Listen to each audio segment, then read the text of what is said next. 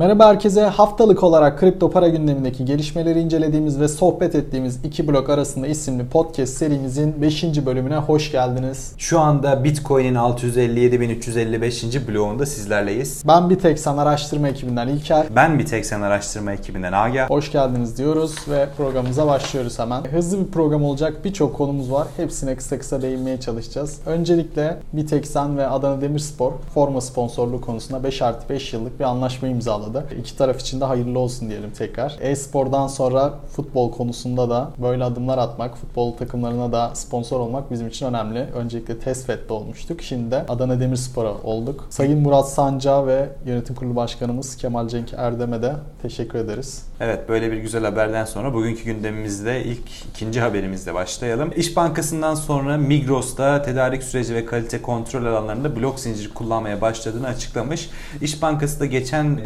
bölümümüzde, podcast bölümümüzde söylediğimiz gibi e, pilot denemelerindeki transferleri blok zincirle gerçekleştirmişti. Migros da tedarik sürecinde ve kalite kontrol alanları blok zincir kullanacak. Peki bu nasıl olacak? Herhangi bir ürünün üzerindeki büyük ihtimalle kare kod olacak. E, bir kodu okuttuğunuzda blok zincir üzerine işlenmiş, geriye dönük örneğin bir sütten bahsedersek hangi kod numaralı inekten sağıldığını, hangi süt saklama soğuk depolarında durduğunu, hangi kamyona binip mağazalara geldiğini, işlendiğini, hangi sıcaklıkta pastörize edildiğini gibi bütün verileri ve kimlerin elinden geçtiğini tek tek görebileceksiniz.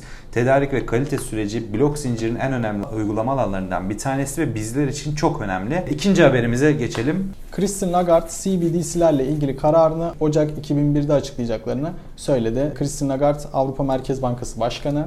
Daha önce de Avrupa Merkez Bankası olarak bir anket yayınlamışlardı. Avrupa Birliği vatandaşlarının CBDC'ler konusundaki isteklerini, taleplerini incelemişlerdi. Biz de bu anket üzerine konuşmuştuk bayağı bir önceki bölümümüzde. Ondan önce de birçok CBDC haberi yapmıştık zaten. Bu kararlarını Ocak 2001'de kesin olarak açıklayacaklarını dile getirdiler. Nasıl bir CBDC olacak? Avrupa'da nasıl kullanılacak? Bahsettiğimiz gibi acaba bizim herkese, bütün tabana inebilecek bir CBDC mi olacak?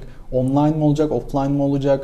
Cüzdanda mı olacak işte daha çok keşe yani günlük harcamalara yakın mı olacak yoksa daha böyle yatırım aracı gibi mi olacak bakalım hepsini göreceğiz. Bir sonraki haberimiz Grayscale'ın toplam kripto para varlıklarının 9.8 milyon dolar değerine ulaştığını açıkladı. Bildiğimiz üzere Bitcoin Treasury sitesinden de teyit ettiğimiz üzere en son %3'e yakın Bitcoin oranı kurumsal şirketlerin yatırım fonlarının içerisindeydi. Grayscale'ı geçen gece yarısında büyük bir alım gerçekleştirdi ve toplam varlık değeri 9.8 milyar dolara yaklaştı. Hatta bugün de Kanada'daki çok önemli bir ismin de kripto para yatırım fonu kurduğunu duyduk. Yani gün geçtikçe karşımıza kripto para yatırım fonlarının arttığı bilgisi gelmekte. Bakalım önümüzdeki günlerde neler olacak. Bir sonraki Skype haberimiz vardı. Skype'ın kurucu ortağı Jan Tallinn varlığının büyük bölümünü Bitcoin ve Ethereum'da tuttuğunu, şirketlere yatırımlarını da kripto paralarıyla yaptığını söyledi abi. Yani az önce sen de söyledin Grayscale, diğer büyük kurumsal firmalar, kurumsal şirketler, Skype'ın kurucu ortağı, bildiğimiz gibi Jack Dorsey, Twitter'ın CEO'su ve Square'ın aynı zamanda CEO'su. Birçok yerden CBDC haberi, birçok şirketten alım haberi. Birazdan değineceğimiz Macy Williams'ın tweet'i vardı. Ona da değiniriz tekrar.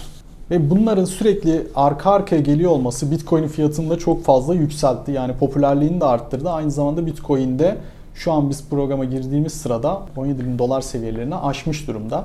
Ki 17 bin dolara çıkması bir önceki maksimum gördüğü fiyat olan 19.500 dolara sadece %17 bir fiyat artışının kaldığını gösteriyor bize. Evet. Bu çok güzel bir oran aslında. Yani Bitcoin 2017 Aralık ayının sonundan bugüne ilk defa bu fiyatlara yaklaştı. İlk defa haftalık kapanışlarını 16 bin dolar üzerinde yaptı ve bakalım bizi neler bekliyor bu adaptasyonlarla bu kadar ünlü ve kurumsal kişilerin ve şirketlerin konuşması sonucunda. E, geçen hafta da değinmiştik seninle. Kasım ayında Bitcoin çok fazla yükseliyor bildiğimiz gibi. Diğer aylara oranla çok daha fazla yükseliyor ve daha Kasım ayının ortalarındayız. Bakalım ne kadar gidecek. E, grafiğe de baktığımızda sanırım 7 haftadır arka arkaya yükseliş vardı. E, bu da pek rastladığımız bir yükseliş değil. Bitcoin'in daha önce 10-11 hafta kadar düştüğünü gözlemledik ancak evet. 7 hafta kadar yükseldiğini hiç gözlemlememiştik. Geriye dönüp baktığımızda 2017 yükselişinde bile arada duraksamalar olmuştu. Şu an 8. haftanın içindeyiz. Bakalım Bitcoin nasıl davranacak? Evet bir sonraki haberimiz bir banka haberi. Evet. Ee, Beyaz Rusya'nın en büyük bankası Belarus Bank kripto para alım satım platformunu resmen açıkladı. İlk etapta sadece Bitcoin'i listeleyecekler. İleriki dönemlerde Litecoin ve Ethereum'u da listeleyeceklerini açıkladılar. Sadece artık CBDC değil, bankalar yani Beyaz Rusya'nın en büyük bankası olan Belarus Bank da kendi platformunu açıyor ve kripto para alım satım yaptırmaya başlıyor.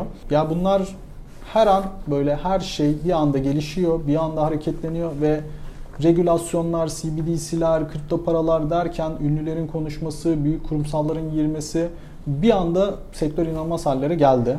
Hemen ünlüler dedin. Az önce de bahsettiğin gibi araya girmek istiyorum.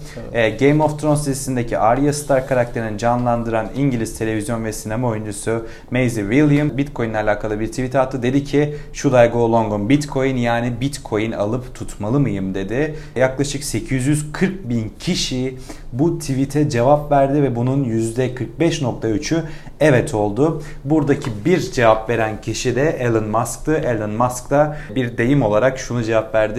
Git ve büyücüyle konuş dedi. Yani Bitcoin'i bir satın al bekle gibisinden bir yorum yaptı. Bildiğimiz üzere de Elon Musk'ın biraz Bitcoin birikimi var. 3.62 e, Bitcoin'de yanılmıyorsam. E, bunu da sonsuza kadar tutacak mı? Bunu da göreceğiz. Bir sonraki haberimizde bir analist ve influencer'dan geliyor. Tyler Swap kendisi bir komplo teorisi ortaya atmış aslında. E, bu komplo teorisi de diyor ki ABD'nin dark web suçlularından ele geçirdiği bitcoinleri biriktirdiği ve bunları işte sakladığı. Ya bunlar hakkında bir komplo teorisi ortaya atmış. Hemen araya girmek istiyorum. Buradaki dark web'in ne olduğunu anlatalım. İlk Bitcoin ortaya çıktığında deneme amaçlı olarak piyasaya sürüldüğünde şifre punk dediğimiz cypherpunklar tarafından işlemler yapılıyordu ve dark web'de yapılıyordu büyük bir çoğunluk. illegal işlemlerde kullanılıyordu. Tabii ki de çok az kişi tarafından kullanıldığı için bu gayet normal olarak gelebilir kulağa. Sonrasında Silk Road adı verilen büyük bir dark web platformunda işlemler gerçekleştiriyordu. Silk Road Road'un Türkçesi de İpek Yolu olarak bilinebilir. Burada bir operasyon gerçekleştirildi ve Silk Road ABD tarafından, FBI tarafından kapatıldı ve orada işlem yapılan birçok Bitcoin'e de el koyuldu bilgisini verelim. Evet, Tyler Swap aslında tam da bundan bahsediyor. Diyor ki devlet bunlara el koyuyor. Tamam açık arttırma usulüyle satıldığını da söylüyorlar. Ama bununla ilgili bir şüphe duyuyor ve diyor ki bu konuda bu konudaki şeffaflık da kaybolmuş durumda. Yani tamam bunları böyle böyle olduğu söyleniyor ancak bununla ilgili herhangi bir gelişme yok, bir açıklık da yok bu BTC miktarının nereye gittiğini kimse bilmiyor diyor Tyler Swap. Hatta ABD'nin bu Mt. Gox davalarındaki bitcoinleri de işte ne zaman salınacağı yani bildiğiniz üzere Mt. Gox davalarında platforma ait bitcoinler el koymuş ve zaman zaman bunlar izin verilerek açık artırmayla yine satılıyordu. Hala satılmaya bekleyen Mt. Gox bitcoinleri var ve süreç nasıl gidiyor?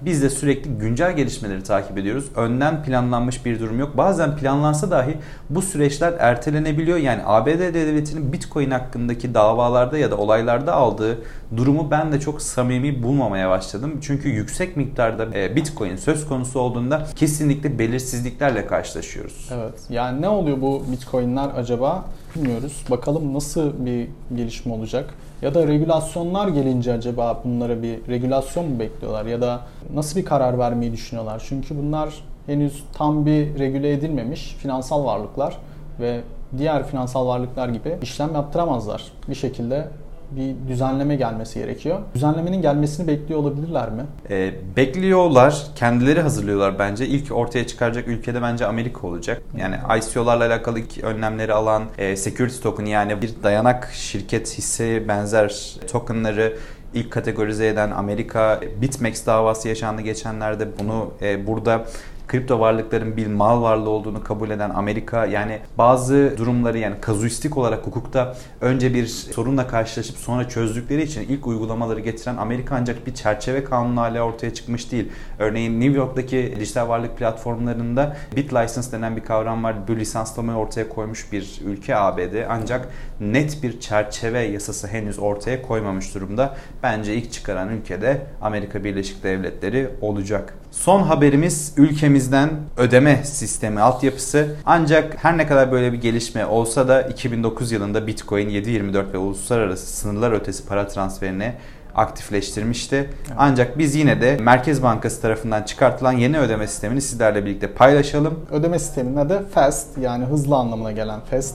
Türkçe anlamı da fonların anlık ve sürekli transferi. Bu FES sistemi ile vatandaşlar farklı banka hesaplarındaki paraları e, saniyeler içerisinde 7-24 gönderebilecekler. EFT dediğimiz işlemleri artık 7-24 gerçekleştirebilecekler. Yani tıpkı bir tek senden e, paranızı paparaya çekip istediğiniz banka hesabına göndermeniz gibi kolay evet. bir sistem olacak. E, bir tek sende zaten bunu yapabiliyorsunuz. Evet. Zaten aslında kripto paralar buna çok elverişliydi. Yani Satoshi'nin yazdığı çok çok önceden 12. yılını kutladığımız White Paper'da da hızlı, anlık, çabuk, ücretsiz hatta transferlerden bahsediyorduk. Bugün bankacılık sisteminde böyle bir haber veriyor olması biraz geriden geliyor ama kripto paraların da ne kadar önde olduğunu, bu sektörün ne kadar önde olduğunu gösteren bir gelişme.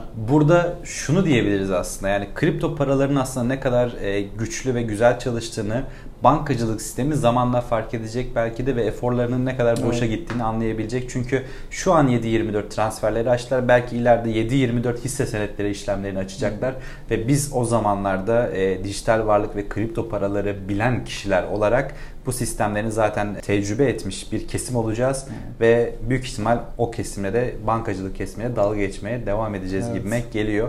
Hatırlatalım Bitcoin ya da herhangi bir kripto parayla 7.24 transfer yapabilirsiniz. 7.24 alım işlemi gerçekleştirebilirsiniz. Bir tek sende de 7.24 alım işlemi gerçekleştirebilirsiniz. Yani bankacılık sistemi bizi umarım hızlıca yakalar. Evet. Yoksa biz çok hızlı ileri gidiyoruz. Evet.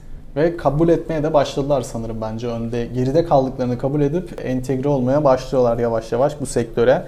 Güzel bir adım en azından. Geri kalmış olsa da, geç kalmış olsa da güzel bir adım olduğuna inanıyorum. Bu haftalık haberlerimiz bu kadardı. Şu anda Bitcoin'in 657.356. bloğunu sizlerle birlikte girmiş bulunmaktayız. Ben bir araştırma ekibinden İlker. Ben bir araştırma ekibinden Agah. Bizi dinlediğiniz için teşekkür ederiz. Sağlıklı. İyi günler dileriz.